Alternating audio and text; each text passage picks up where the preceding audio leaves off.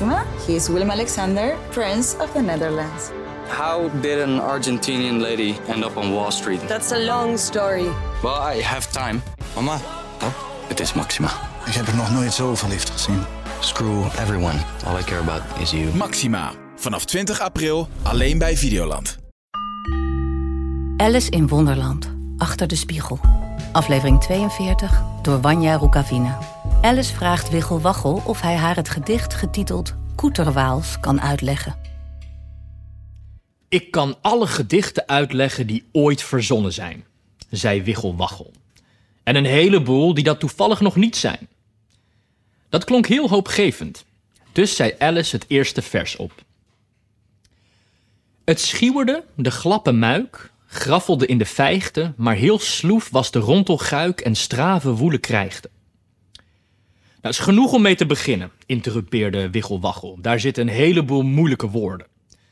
Het schieuwerde, dat wil zeggen het is nog niet helemaal donker en de tafel is nog niet gedekt. Oh, dat is dan duidelijk, zei Alice. En glap? Nou, glap betekent glad en slap. Het is een kofferwoord, snap je? Er zitten twee betekenissen samengepakt in één woord. Oh, nu snap ik het, merkte Alice bedachtzaam op. En wat is een muik? Tja, een muik is een soort van das. Hij heeft iets van een hagedis en hij heeft iets van een kurkentrekker. Wat zullen die beesten er vreemd uitzien? Jazeker, zei Wiggelwaggel. Bovendien bouwen ze hun nesten onder zonnewijzers. Bovendien leven ze van kaas. En wat is graffelen? Graffelen is steeds maar ronddraaien als een gyroscoop. En die vijgte, dat is zeker het onkruid rond een zonnewijzer, zei Alice, verrast over haar eigen vindingrijkheid. Uiteraard. Die hete vijgte, moet je weten, omdat ze een heel eind voorwaarts groeien en een eind achterwaarts. En een heel eind zijwaarts aan weerskanten, voegde Alice toe. Ja, precies. Nou, goed. Sloef is sloom en droef, daar heb je nog een kofferwoord. En een rontelguik is een dunne sjovele vogel met veren die alle kanten opsteken. Iets als een levende zwabber. En dan die strave woelen, zei Alice. Ik hoop dat ik niet te veel tijd in beslag neem.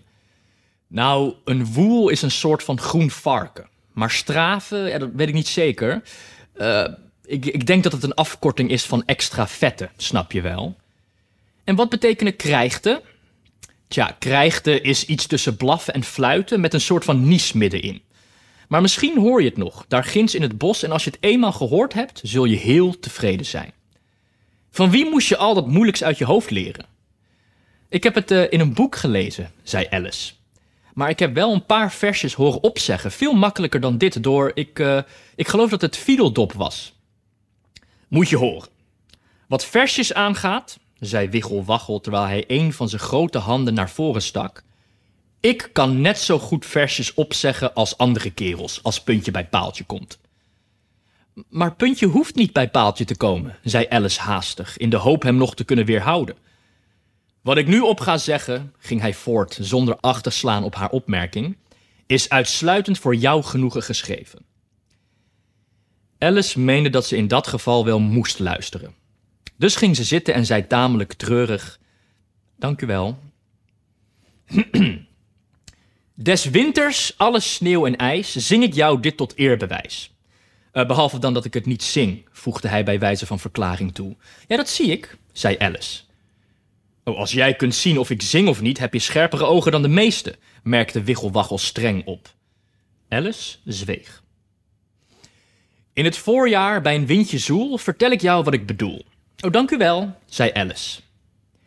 Des zomers alle dagen lang begrijp je wellicht mijn gezang. In het najaar gaat de wind tekeer. Neem pen en inkt en schrijf het neer. Oh, dat zal ik doen als ik het zo lang kan onthouden, zei Alice. Ja, zulke opmerkingen hoef je verder niet meer te maken, zei Wiggelwaggel. Ze zijn niet verstandig en ze storen me. Ik zond een boodschap naar de vissen en vroeg: wie kunnen jullie missen? De kleine vissen van de zee gaven een antwoord voor me mee. Dit antwoord wilden ze toen kwijt. Meneer, tot onze grote spijt. Ja, ik ben bang dat ik het ook niet helemaal snap, zei Alice. Verderop wordt het makkelijker, repliceerde Wiggelwaggel. Ik deed ze toen een nieuw verzoek, dit keer bekrachtigd met een vloek.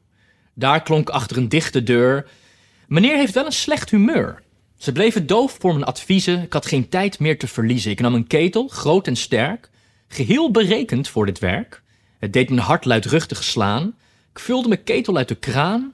Toen kwam een vent en vroeg belet: De visjes liggen al in bed. Ik zei tot hem, recht voor zijn raap: Ja, dan haal je ze maar uit hun slaap. Ik herhaalde het. Ik deed het voor. Ik schreeuwde het zelfs in zijn oor. Wiggelwaggel verhief zijn stem bijna tot een kreet terwijl hij dat vers opzei. En Alice dacht met een huivering: Voor geen goud had ik die boodschapper willen zijn. Maar uiterst stijf en trots zei hij: Man, schreeuw wat zachter tegen mij. Wat u daar vraagt, dat is niet mals. Misschien zou ik ze wekken als. Welnu, ik pak mijn kurkentrekker, dan zal ik ze toch zelf gaan wekken. Ik stond voor de dichte deur en dus loerde ik door de brievenbus. Ik stond voor de dichte deur al waar, ik rukte aan de deurkruk, maar. Er viel een lange stilte. Is dat alles? vroeg Alice bedeesd. Dat is alles, zei Wiggelwaggel. Dag. Dat was nogal plotseling, vond Alice. Maar na zo'n zeer krachtige wenk dat zij op moest stappen, leek het haar niet bijster beleefd om te blijven. Dus stond ze op en stak haar hand uit. Dag meneer, tot weerziens, zei ze zo opgewenkt als ze maar kon. Ik zou je niet herkennen als ik je weer zag, repliceerde Wiggelwaggel op misnoegde toon, terwijl hij haar een van zijn vingers gaf om te schudden.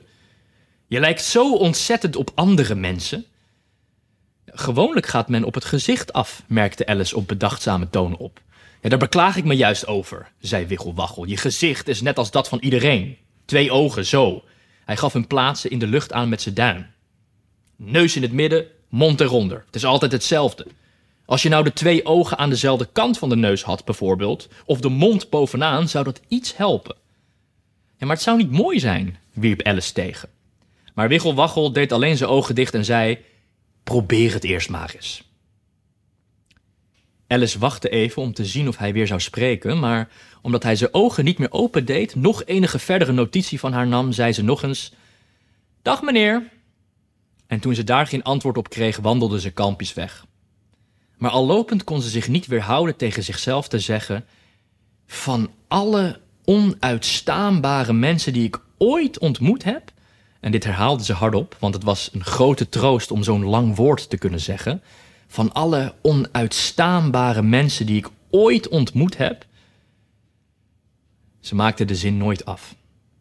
Want op dat moment schokte een zware klap het woud van het ene einde tot het andere. De volgende aflevering wordt gelezen door Mark Rietman. Alice in Wonderland is een podcast van Internationaal Theater Amsterdam, Het Parool en Stepping Stone Producties. Vertaling Nicolaas Matsier, uitgeverij Meulenhof Boekerij.